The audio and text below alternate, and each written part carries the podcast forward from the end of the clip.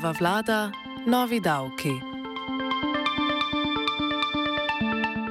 Po koalicijskem vrhu o davčni reformi so mediji državnotvornega diskurza polni ugotavljanj in ugibanj, ali bodo po reformi državljani ob enakih bruto plačah imeli višji neto plače, kot je napovedal premijer Robert Golop, ali ne.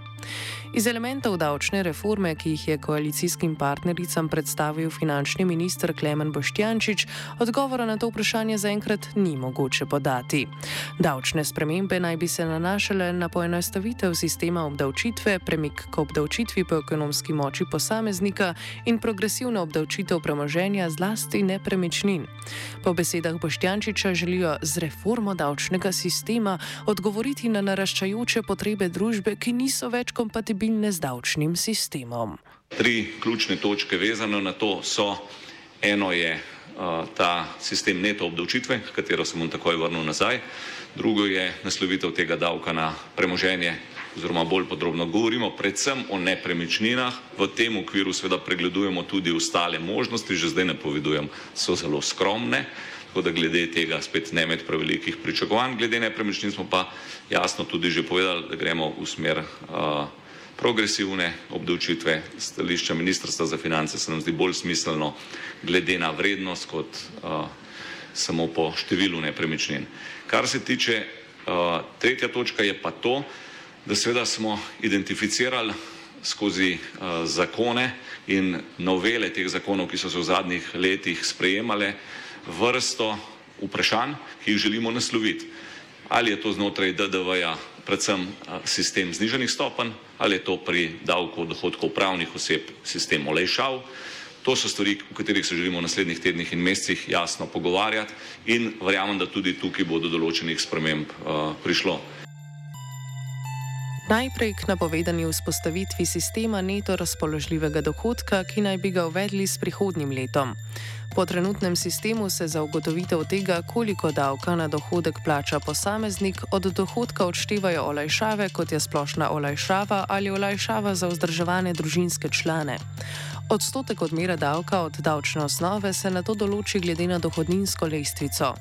Po predlagani reformi bi uvedli sistem neto razpoložljivega dohodka, v katerem bi se šteli dohodke posameznika. Poleg plače tudi nadomestila za malico, prevoz in regres, prav tako pa socialne transferje. Potem, ko bi odšteli prispevke, bi dobili davčno osnovo, od katere bi obračunali davek, davek kakor sedaj, po dohodninski lestvici. Šele na to bi lahko bili po novem posamezniki upravičeni do odbitkov v absolutnih zneskih, denimo za vzdrževane družinske člane. Gre za to, da želimo vse dati na isto osnovo. V preteklosti, eh, torej zadnjih 20 let, se je sistem eh, davkov v Sloveniji reševal parcialno, vsakeč znova tudi različni zakoni z različnimi novelami. Eh, posamezni zakon, recimo zakon o dohodnini, je doživel toliko sprememb, da je zmanjkal črk, ker vsaka novela seveda ima znako z novo črko in seveda te rešitve so bile necelovite bile so uh, parcialne, veliko krat so naslavljale sam en konkreten problem, včasih tudi uh, pritisk posamezne skupine. Zdaj mi smo se seveda lotili uh, prenove celovito in v tem kontekstu seveda uh, predlagamo temeljito uh, prevetritev sistema dohodnine in v tem kontekstu tudi drugačno obravnavo teh posebnih olešav, ampak to ne pomeni, da bodo te obdavčene, ampak iz vidika a, posameznika, ja, lahko napovem, da seveda velika večina a, posameznikov ne bo imela v denarnici nič manj, ampak več. V osnovi torej ne bi več govorili o, o olajšavah, ampak o novi plačni lestvici. V prvi plačni razred naj bi ponovem spadali tisti, ki zaslužijo tako malo, da so po trenutnem sistemu upravičeni do polne splošne davčne olajšave. Ko govorimo o najrevnejših, gre pravzaprav le za spremembo terminologije. Sociolog Marko Kržan pojasni, zakaj za najrevnejše napovedane spremembe ne bodo imele nobenega vpliva. Uh, iz tega, kar so rekli, uh, sklepam naslednje. Ne? Da je ideja ta, da recimo na mesto olajšav za, za družinske člane, recimo otroke, ne, bi bil nek fiksni odbitek. Ne? Ta ideja po eni strani ni slaba, ker pogledajte, če trenutno upoštevate olajšavo, ne, pa imate delavca z minimalno plačo, pa ima on recimo dva otroka. Pri tem ta drugem otroku ta davčna olajšava, ne, dodatna, ki jo dobi, se mu praktično ne pozna.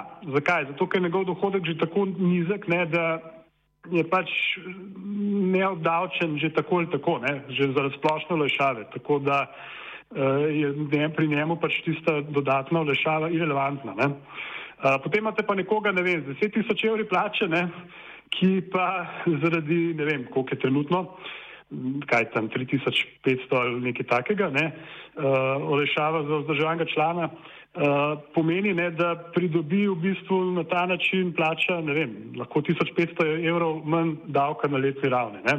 Skratka, sedajni sistem olešav je nedvomno uh, nepravičen. Ne. Tako da z tega vidika bi se strinjal, da ga je treba nadomestiti z nečem, uh, vendar je seveda tukaj hudič spet v podrobnosti, kako in s čim. Ne. Uh, dobro, dvignete splošno lešavo zelo visok, ne? To se sliši v redu, potem pa vključite vse dohodke v osnovo, tudi to ni sporno, ampak pod pogojem, da so vsi dohodki, ne? torej tudi dohodki od kapitala, ki jih Štjančič očitno noče na ta način obdavčiti. Uh, potem je pa seveda spet stvar, ne? kako zadevo zasnujete. Ne?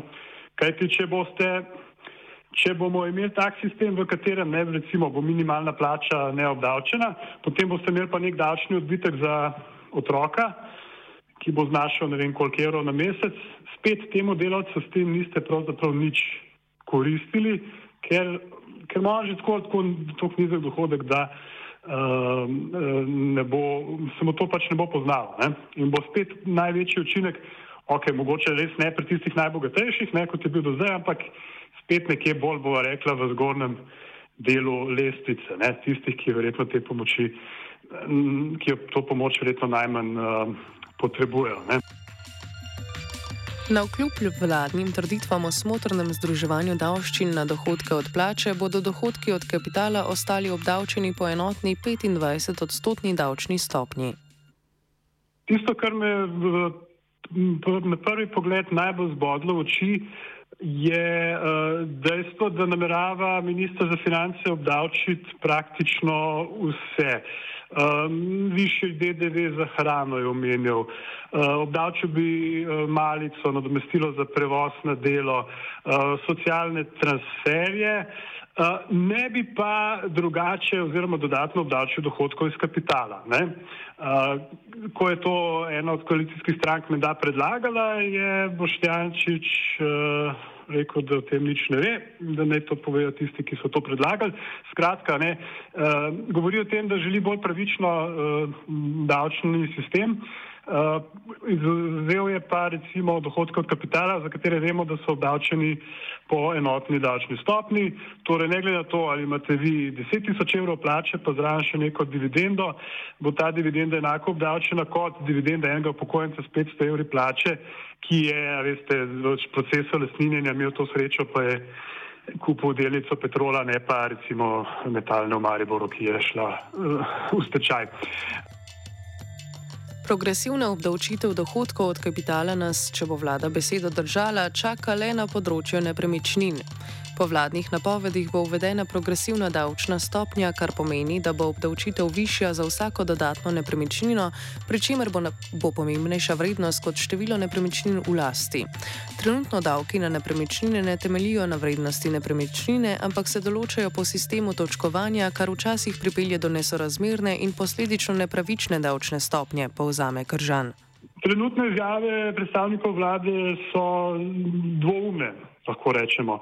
Po eni strani govorijo, da se bo to nadomestilo za uporabo stavnega zemljišča, ki zdaj obstaja, ohranilo in da bo to samo nek dodatni davek. Ne.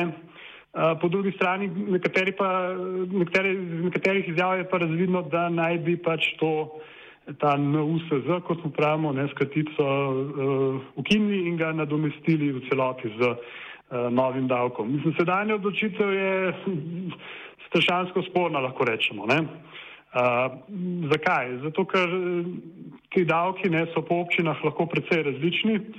Uh, drugič eh, so regresivni, to pomeni, da ni noben, ne, da pač ne glede na to, imate vi nepremičnino vredno milijon evrov ali pa 50 tisoč evrov, pač davčna stopna je enaka. Uh, in kar je morda še huje, je to, ne, da, so, da ne temeljijo na vrednosti nepremičnine, ampak na nekem sistemu točkovanja, uh, ki je odvisen pač od tega, koliko je oseba, lastnik nepremičnine, pripravljena ko, ko, kooperirati, bom rekel, z davčnimi organi in z občino in resnično narediti svoje podatke.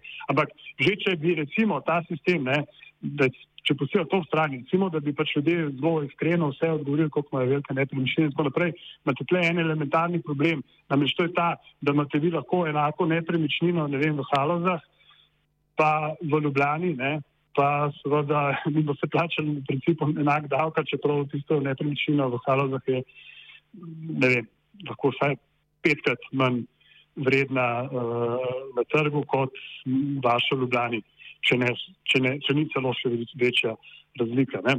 Z tega vidika bi rekel, da ja, je trenutni sistem obdočitve slab, torej ni učinkovit in tudi ni, ni pravičen. Uh, ali pa bo vladi uspelo kaj boljšega uvesti, uh, bomo pa še videli. Davek na nepremičnine naj bi po novi reformi znašal določen odstotek od vrednosti nepremičnega premoženja posameznika. Tako naj bi se davek spremenjal glede na tržno vrednost nepremičnine, ki je pogosto odvisna od lokacije. Vsekakor je to, da bi bila odločitev progresivna korak v pravo smer. Eh? Kaj pomeni progresivna odločitev? Pomeni preprosto načelo, da pač vsak prispeva po svojih zmožnostih. Kdor nima premoženja, ne prispeva, ne, kdor ima večje premoženje, pa uh, prispeva več. Skratka, da bi se to kar nekako še velja za dohodke od, za, za ostale dohodke od, od plač, od dela in tako naprej, ne, da recimo najviše davčno stopna 50%, ne, najnižja pa recimo 16%, da bi se nekaj takega uveljavljalo tudi pri nepremičninah. Um, to je načeloma stvar, ki je za podpret, ne, zlasti v eni državi kot je Slovenija, kjer uh, zaradi zgodovinskih razlogov ne, um, je veliko ljudi lastnikov stanovanj in hiš, v katerih živijo. Malo več kot relativno malo ljudi je najemnikov. Ne, ali živijo v svojih lastnih stanovanjih ali v stanovanjih svojih kakšnih bližnjih sorodnikov. Ne. Uh, torej, ne, in zdaj, če bi seveda kar vse te nepremičnine obdavčili enako, ne, bi seveda in hotel nek resen denar s tem zdati, bi seveda zelo močno prizadeli delovne ljudi. Ne ki jim je pač, ki imajo, kot rečeno, zaradi različnih zgodovinskih razlogov pri nas pogosto vlastiti nepremičnine. Ne.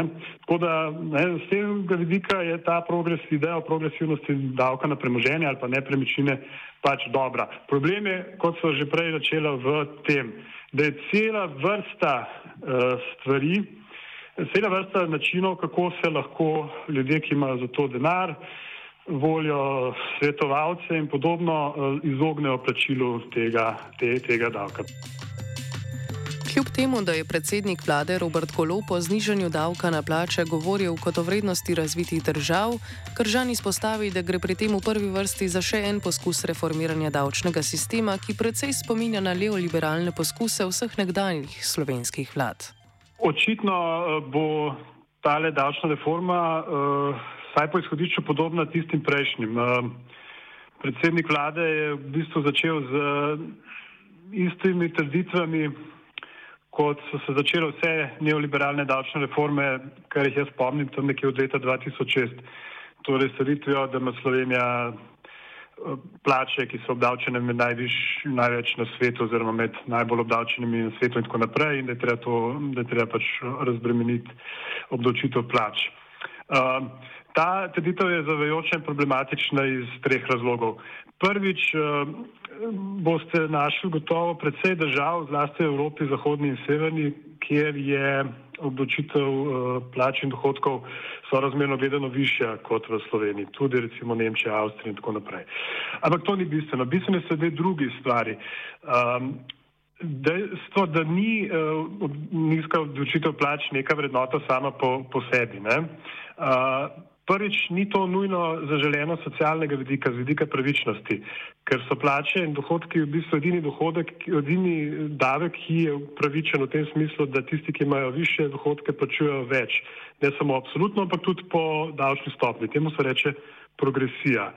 Um, in, uh, to je socialni vidik. Eh, potem je tudi ekonomski vidik. Ne? Eh, nikjer ni rečeno, da nižja obdavčitev plač prinaša gospodarsko razvitost. Pravzaprav, ne? če pogledamo države, lestvico držav po tem kriteriju, bomo videli, ne, da so najnižje obdačitve dohodkov, tudi zlasti od dela, pa tudi od kapitala v državah, kot so, vem, Bosna, Bolgarija, Romunija, tudi sosednja Hrvaška, najviše pa recimo, vem, v Belgiji, skandinavskih državah, severozahodni Evropi v glavnem.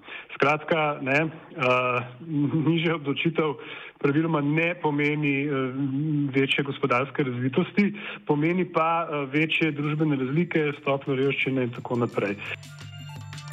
Reformo plačnega sistema in obračuna davka vlada napoveduje za prihodnje leto. Uvedbo progresivnega davka na nepremičnine pa leto kasneje.